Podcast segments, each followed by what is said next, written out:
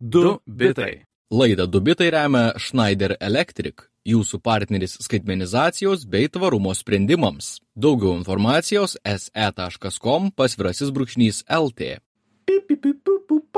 Sveiki, žinių radio klausytojai. Su jumis bando susijungti laida Du bitai. Ir prie mikrofono bando sėdėti Jonas Lekevičius. ir Lukas Keraitis. Ir kaip ir kiekvieną savaitę, čia yra ta laida, kuri jums pasakoja apie technologijas. Ir dažniausiai mes kalbame apie technologijų naujienas. Kartais, kai mums tokia nuotaika keistesnė, mes apie naujienas nekalbame. Arba kartais, kai naujienų yra mažiau, apie jas nekalbame. Tai ir šiandien yra tokia laida, kai vietoje penkių ar keturių mažesnių naujienų per šią savaitę, kas nutiko, mes nusprendėm pakalbėti viena didelę temą.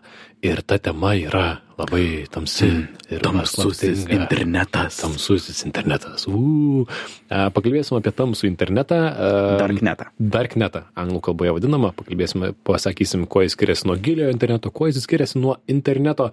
Ir visą tai darome tam ir landžiojame po šitas baises tamses vietas tam, kad jums nereikėtų ir kad jūs patenkintumėt savo smalsumą, e, nepristatydami bėdų. Tai žodžiu, e, geriau klausykit mūsų, bet neprisižaiskit patys. Mhm. Ne, nu, žodžiu, ne, nebandykite pakartoti to namie. Pasakysiu taip. ir e, kai kalbame apie tamsų internetą, man pirmiausia mintise iškyla tas vaizdas kažkur 2015 metai, technologijų konferencija ir skaidrė su Lietkalniu. Ir tada tau sako, iš tikrųjų internetas yra visai ne tai, ką tu galvoji. Ir interneto dalį paprasti naudotojai mato tik tai labai mažą, o iš tikrųjų kiek ten yra daug paslapčių, kiek ten yra blogų vietų. Ir taip ir ne. Sklando gandai, kad tas darknetas, tamsus internetas yra 95 procentai tikro interneto ir iš tiesų yra žymiai daugiau visko. Tai ne visai tiesa. Ne, visai ne. Reikia atskirti netiesa. du labai didelius terminus, tokius svarbius. Toks e, gilusis internetas, e, deepnetas, e, kartais tiesiog vidiniai tinklai um, ir tas darknetas, apie kurį pagrindę šnekėsime, kuris iš esmės yra labai mažas. Ir tas gilusis internetas, tai uh, iš esmės viskas, ko negali pasiekti naršyklių paieškos sistemų indeksavimas. Taip, viskas, kas neindeksuota.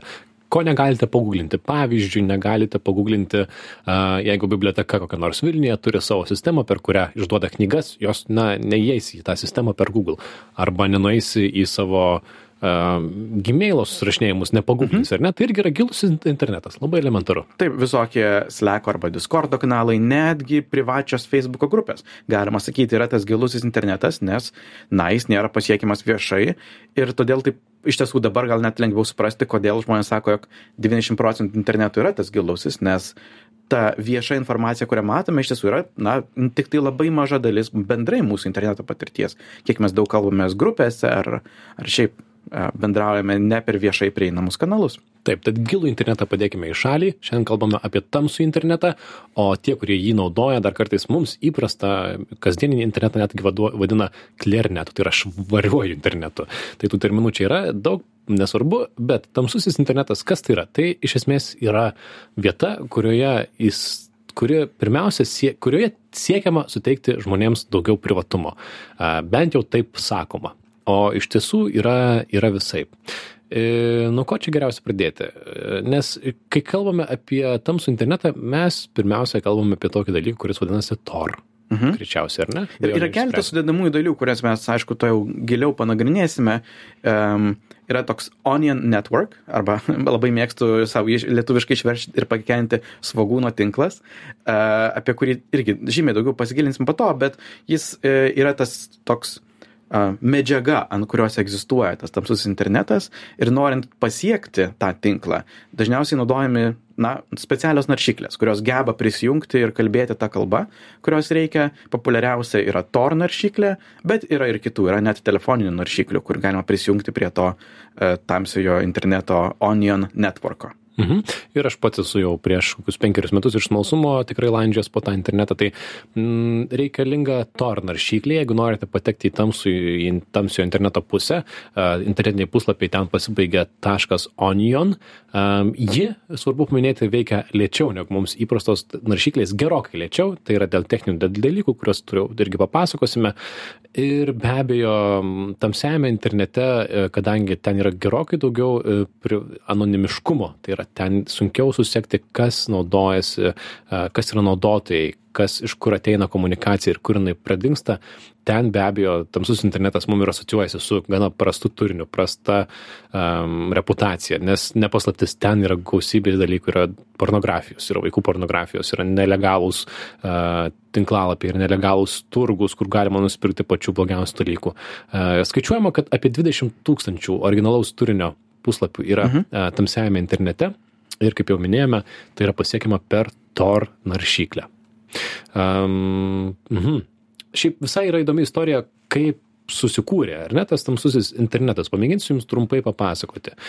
Ah, tik tai tam, aišku, reikės papasakoti technologinius principus, vis, visko kaip veikia. Bet, žodžiu, jau 90-aisiais metais Junktinių valstijų kariuomenė naudojo šitą technologinį principą, tai yra sumėtyti pėdas internete. Mhm. Jas galvojo, kad kaip būtų puiku, jeigu mūsų žmonės visame pasaulyje galėtų siūsti koduotas žinutės per įprastą internetą, kažkokiu būdu ar ne prisijungti prie bet kokio kompiuterio bibliotekoje ir siūsti tokią žinutę, kad jos nepamatytų niekas kitas. Vėlgi, nes turėti specializuotus kažkokius radio protokolus yra, yra viena, bet yra visai kita, kai, pavyzdžiui, nežinau, turi kažkokį šnipą uh, priešo teritorijoje ir jisai nori tiesiog naudotis, na, paprastu visiems žmonėms prieinamu internetu, bet gebėti komunikuoti su savo baze, taip jog nieks net stebėdamas jo visą interneto srautą negalėtų suprasti, jog su kuo, kada, kaip jisai komunikuoja.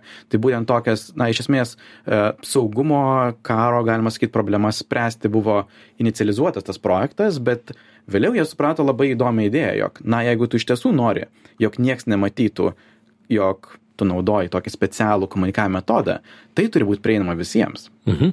Ir legenda byloja, ir tai yra tokia populiari legenda, ir joje yra tiesos, yra, nežinoma, galbūt šiek tiek perduota, bet kad Junktinių valstijų tarnybos, saugumo tarnybos norėjo va, tos specialios, specialios programos, per kurią galėtų bendrauti, bet tiesiog suprato, kad kuo daugiau įprastinių naudotojų ten bus, tuo pats tinklas bus saugesnis, dėl to jis iš esmės ir patapo a, viešas. Na, bet istorija prasideda maždaug nuo 95 metų, kai Junktinių valstijų karo, karinio jūro laivynų laboratorijoje ir kartu garsiojoje Darpoje, kuri finansuoja nemažai um, įvairių kar, karinių projektų, taip pat prisidėjo prie interneto sukūrimo, buvo užduoti šitie klausimai, kaip galima sukurti tokį tinklą, kuriame uh, netgi jį stebint nebūtų aišku, kas su kuo kalbasi ir ką kalbasi.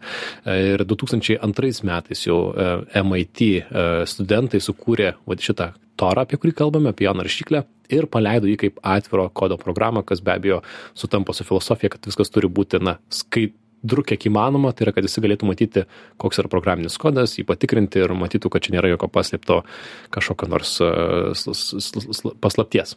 Mhm. Uh, Electronic Frontier Foundation atkreipė dėmesį į šitą projektą ir nuo 2006 metų TOR yra finansuojama kaip nevyriausybinė organizacija. Ir nepaslaptis, kad nuo pat pradžių šitą naršyklę finansavo Junktinių valstybių gynybos departamentas su jų deklaruojamu siekiu padėti apeiti informacinius ribojimus gyvenantiems autoritarinėse valstybėse. Ir aišku, čia yra didžioji kontroversija, ar ne? Kaip Junktinės valstijos finansavo tamsų internetą, kuriame pardavinėjami, pavyzdžiui, narkotikai mhm. ir paskui patys bando pagauti tos narkotikų priekeivius juose. Ir neva, ar kodėl jie negali imti ir uždaryti viso to reikalo, jeigu norėtų. Ir Šiuo metu jų projektas yra tikrai didesnis negu jų uh, jų pačių kiemas ir jau nebėra visiškai jokioje tokioje pilnoje kontrolėje. Aišku, yra įtariama, manoma ir net yra pakankamai informacijos, jie turbūt kontroliuoja visgi vis dar nemažą tinklo dalį, bet pati tinklo infrastruktūra yra tokia, jog net jeigu kontroliuoja labai nemažai daug, labai daug to tinklo, negali vis tiek atsekti, kas yra vartotojai, kur jie eina, ypač jeigu jie naudoja tokius slaptus servisus, kuriuos irgi dar pakomentuosime, ten ten nieko nesuprasit ir ir tai turbūt ir leidžia žmonėms jaustis saugiai žinant jog taip projektas buvo sukurtas a, valstybės finansuotas valstybės tačiau dabar yra gerokai didesnis negu tiesiog a, vienos a, organizacijos projektas Mhm. Ir, na, ta filosofija ir buvo tokia, kad jeigu žiūrint atgal, kad kažkas tokį tinklą sukurs, ar ne, kuris bus daugiau ar mažiau anonimiškas. E, Kriminalinis pasaulis, jau sakoma, kad iki tol ir taip turėjo būdų, kaip internete, ar net nebūtinai internete tarpusavėje bendrauti anonimiškai ir tai vadinamieji burner phones ir daugybė kitų technologijų, tad norėta sukurti anonimiškumą, kuriuo galėtų naudotis ne tik jie, kad ir galėtų naudotis ir geri žmonės. Tad um, net ir dabar žinoma, kad tiek CŽV, tiek FTB kartais pasiūlo pataisimus, kaip padaryti tinklą saugesniu, mhm. bet jie maždaug e, galima įsivaizduoti, kad mato tame kad tokio tinklo buvime daugiau naudų negu, negu žalumo. Jau geriau mes sukurkim, prisidėkime prie tokio tinklo sukūrimo, kuriame turėsime kažkokį indėlį ir galbūt galėsime formuoti jo kūrimą ar, ar kažkiek veikimą kažkiek, negu leisti kažkam kitam tai sukurti. Tad štai, mhm. tokie vat yra vadinamieji visi premises. E, ir kas svarbu paminėti, na, palengva šitas visas toras garsėjo 2010 metais per arabų pavasarį visai garsiai tai buvo naudojama a, arabų šalyse per torą tiesiog žmonės prisijungdavo prie interneto. Be abejo, 2013 ir e, Edvardo Snaudeno atskleidimai, jie įvyko būtent pasinaudojo šitą tinklą, per jį siunčiant e, naujienų portalams informaciją ir, ir bandant paslėpti savo, savo, savo, savo dalykus. Tad va, kam naudojamas toras, mes dar nepapasakome iki galo. A, taip, na, turbūt populiariausias dalykas yra prekybvietės. Mhm. Ir a, manau, kad galėsime gal šiek tiek vėliau įsikilinti. Aš galvoju, gal, gal pabandyti papasakoti kaip tai veikia. Pamėgink mechanikas, o Gerai. galim įsigilinti, Gerai. ką visgi ten žmonės papasakok apie tą svogūno principą. Kodėl jis yra svogūnas ir kas yra tie mazgai ir kaip ten sumėtamos tos pėdos. Mhm. Tai aš kaip e, tokius sudėtingus technologijos dalykus bandau aiškinti per gal labiau suprantamas žmogiškas analogijas, tad pabandykime įsivaizduoti miestą pilną kurjerių. Ir kiekvienas kurjeris žino, kaip mieste nusigauti kito kurjerio, turi kažkokius, nežinau, kontaktus ir kiekvienas turi savo raktelį, su kuriuo gali atrakinti tik jam skirtas dėžutes na ir sakykime jog dar tame mieste yra biblioteka kurią žmonės nori skaityti. Čia bus interneto analogija. Nes torą galima naudoti dviem dalykam. Galima na naršyti viešą internetą labai privačiai nieks nežinotų kas ką darai. Arba galima pasiekti viešai ne neprieinamus puslapius bet ten šiek tiek sudėtingiau ir šiek tiek vėliau. Tai tarkim kaip naršyti viešą internetą kuri būtų tarkim biblioteka. Pirmiausia pats apsirengi kad kaip kurjeris. Jog net tavo pirmas kontaktas nežinotų, jog tu nesi dar vienas iš kurjerių. Ir tada, pavyzdžiui, aš būsiu kurjeris Jonas. Ir kitam kurjeriui Mykolai, tarkim, duodu dėžutę. Ant jos vienintelė instrukcija parašyta - nuvežk kurjeriai Kotrynai. Mykolas mina pas Kotryną, duoda į dėžutę ir nuvažiuoja. Kotryna tada atidaro tą savo dėžutę su savo raktu, kurį tik jį gali atidaryti, ir viduje randa dar vieną instrukciją, kitą dėžutę su instrukcija vežk kurjeriui Petrui.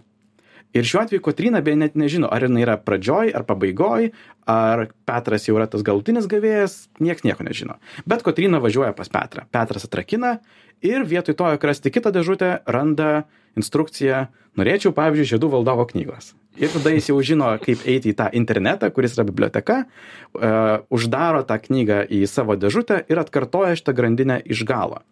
Ir vėlgi per daug kurjerių um, galiausiai mane pasiekė dėžutė, kuri yra kurjeriui Jonui, um, o jos viduje aš randu tą knygą. Ir vėlgi, kadangi buvo tokia daug informacijos perdavimo iš rankų į rankas, todėl viskas veikia lėčiau, kaip minėjai, nes vėlgi informacija turi peršokti per labai daug taškų, bet niekas grandinės viduryje nežino, uh, kur jie yra toje grandinėje, išskyrus jeigu esi pats pirminis siuntėjas arba galinis gavėjas. Ir todėl yra labai privatu ir kadangi yra tiek daug sluoksnių tai yra vadinama svogūnu a ir visas šitas tinklas vadinamas svogūno tinklu.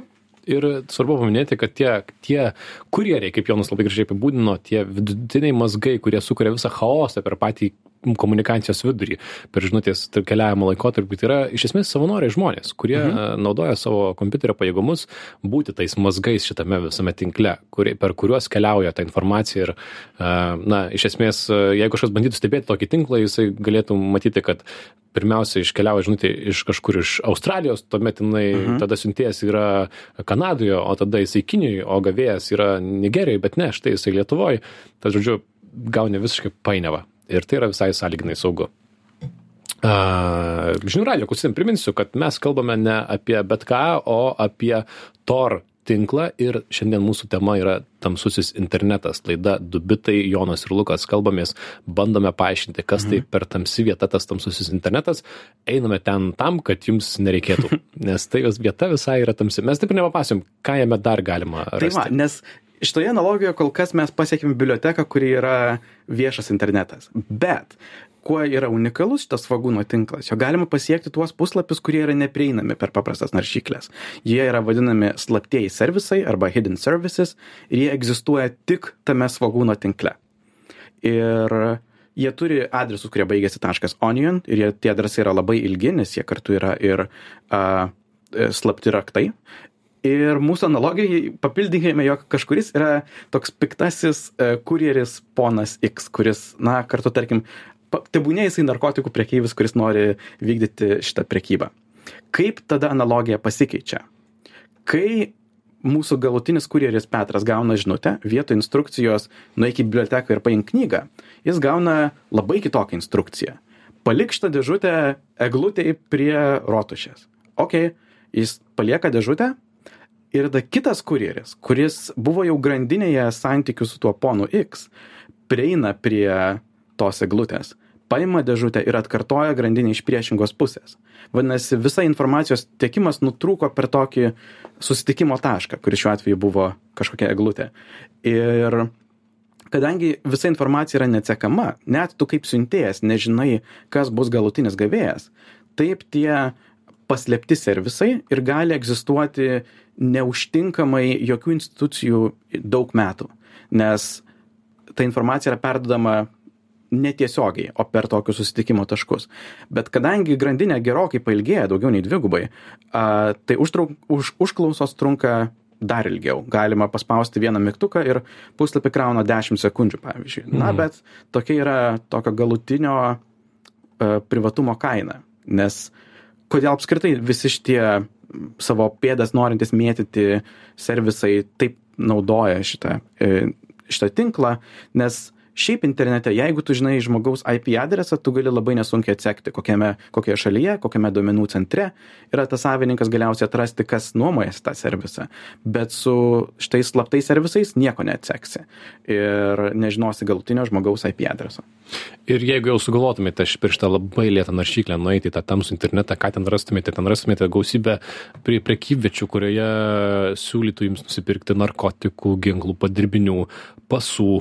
Pavyzdžiui, aš atsimenu, per 10 minučių nuėjau ir man jau siūlė pasą nusipirkti. Be abejo, tu nežinai niekada, kuris e, ir tikriausiai dauguma iš tų pasiūlymų yra apgaulės, kai tu sumokėsi bitkoinų už tai ir nieko mainais negausi ir tikrai neįsi pasiskusti policijai, kad bandai nusipirkti pasą ir tau nepavyko. Kas yra įdomu, jog žinodami šitą keistą santykį, kur yra anonimai bendraujantys su anonimais, iš tiesų visos tos prekybvietės, jos yra labai panašios į ta, tai, kas mums yra pažįstama.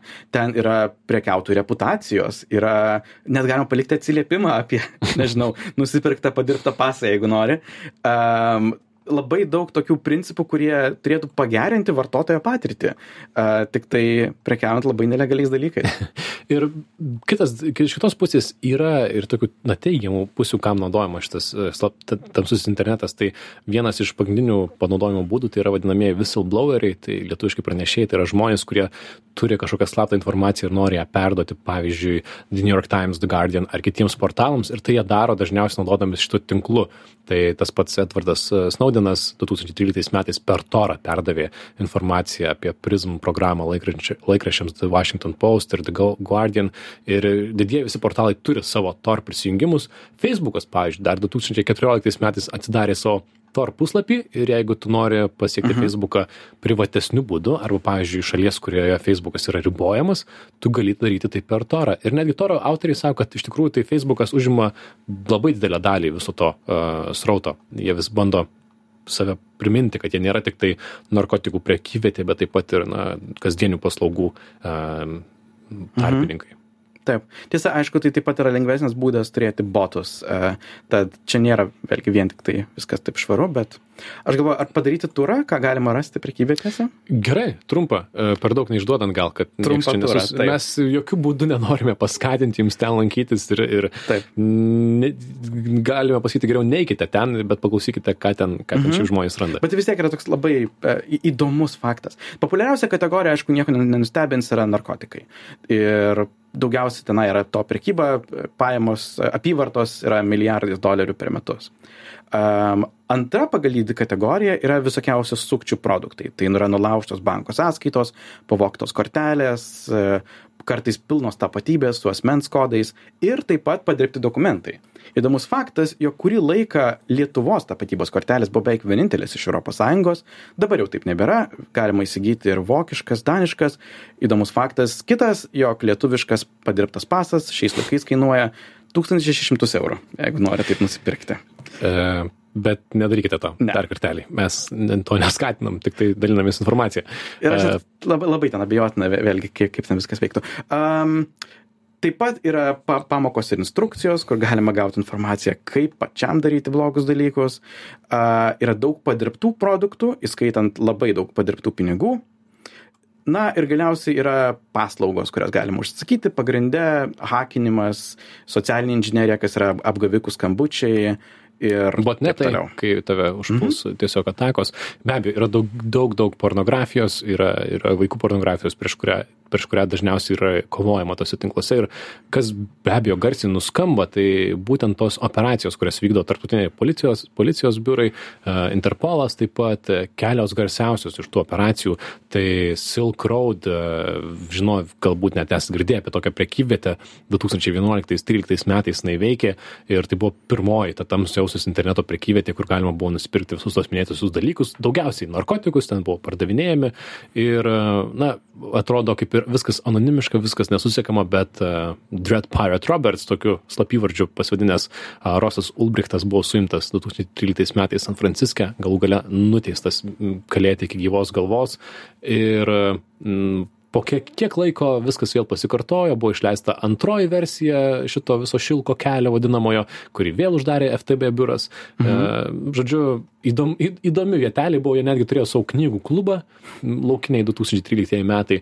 Kiek e, mažiau galbūt girdama buvo istorija su Alphabet, tai kita prekyvietė, kuri veikia 2014-2017 metais, jinai turėjo, iš esmės buvo dešimt kart didesnė negu šilko kelias, e, jau prieimė ne tik bitkoiną, kuris yra pagrindinė atsiskaitimo priemonė šitoje vietoje, bet ir kitas kriptovaliutas. Na, bet jo kuriejas, kanadietis Aleksandras Keizas, labai nekaip apsisaugojo slaptažais visą ką, tai jį taip pat suėmė, suėmė gana greitai ir jo, jo dienos ten baigėsi gana liūdnai. Vienas iš tokių įdomesnių, labai pasikartojančių motyvų per visas šitas prekybvietės yra tai, jog jos vis yra suimamos ir vis atsigauna. Silk Roadas buvo pakartotas tris kartus, Alpha Bay buvo uždarytas 17 metais, bet dabar vėl egzistuoja. Ir bendrai tas motyvas, net žinai, paminėjai tą Dread Pirate Roberts, kuris yra iš mano mėgstamo filmo Princess Bride veikėjas, kurio vardą perima skirtingi žmonės. Mhm. Tu prisėmė jį savo kaip tokį, na, vardą, jog tu lyderiauji, bet su tą mintimi, jog tai yra perimamas titulas.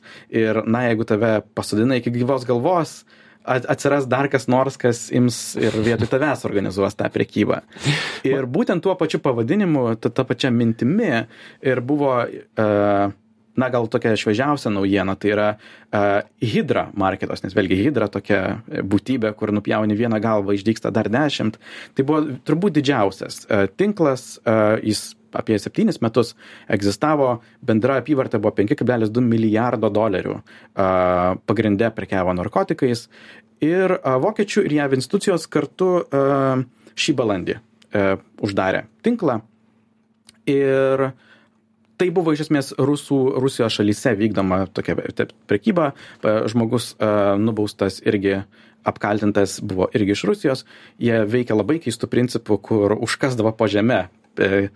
E, parduodamas prekes ir kartu su suėmimu buvo paimta 25 milijonai dolerių vertės bitkoinų. Aha, kas įdomu, kad paskui FTB ir, ir panašus biurai kiek laiko tos, tos bitkoinus, kuriuos jie paima, pavyzdžiui, po metų ar kelių paskui parduoda ir netgi iš to užsidirba.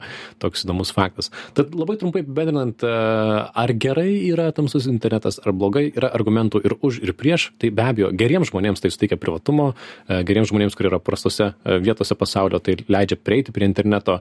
Kai kas sako, kad visgi tamsus internetas sudaro tik mažą dalį nelegalaus turinio internete, tą nelegalų, nelegalius dalykus galima pasiekti ir taip. Be abejo, tai yra vieta, kur whistlebloweriai uh, gali pranešti savo informaciją saugesniu būdu, uh, tad argumentų už yra, bet be abejo, tų argumentų prieš uh, visi mūsų minėtieji pardavinėjami nelegalūs dalykai irgi yra neką mažiau. Deja, argumentai prieš, manau, yra žymiai tokie stipresni, didesni ir gal labiau matomi, bet, na, kad ir kaip norėtume šito tinklo jo neįmanoma uždaryti, jis yra per didelis, per stiprus ir jis vis tiek egzistuos vienaip ar kitaip. Ir tai... technologiškai jis yra gana nepriklausomas, kaip ir mes mhm. ir sakėm. Dėl to mes su Jonu kažkaip linkę nebijoti. Tad e, toks buvo mūsų trumpas ekskursas į tamsėją interneto pusę.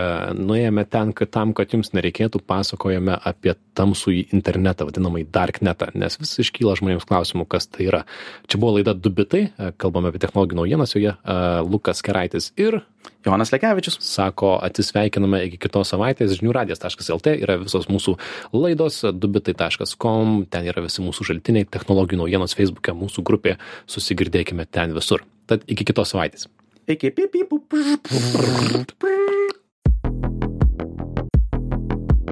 Du bitai. Laidą Dubitai remia Schneider Electric jūsų partneris skaitmenizacijos bei tvarumo sprendimams. Daugiau informacijos se.com pasvirasis brūkšnys LT.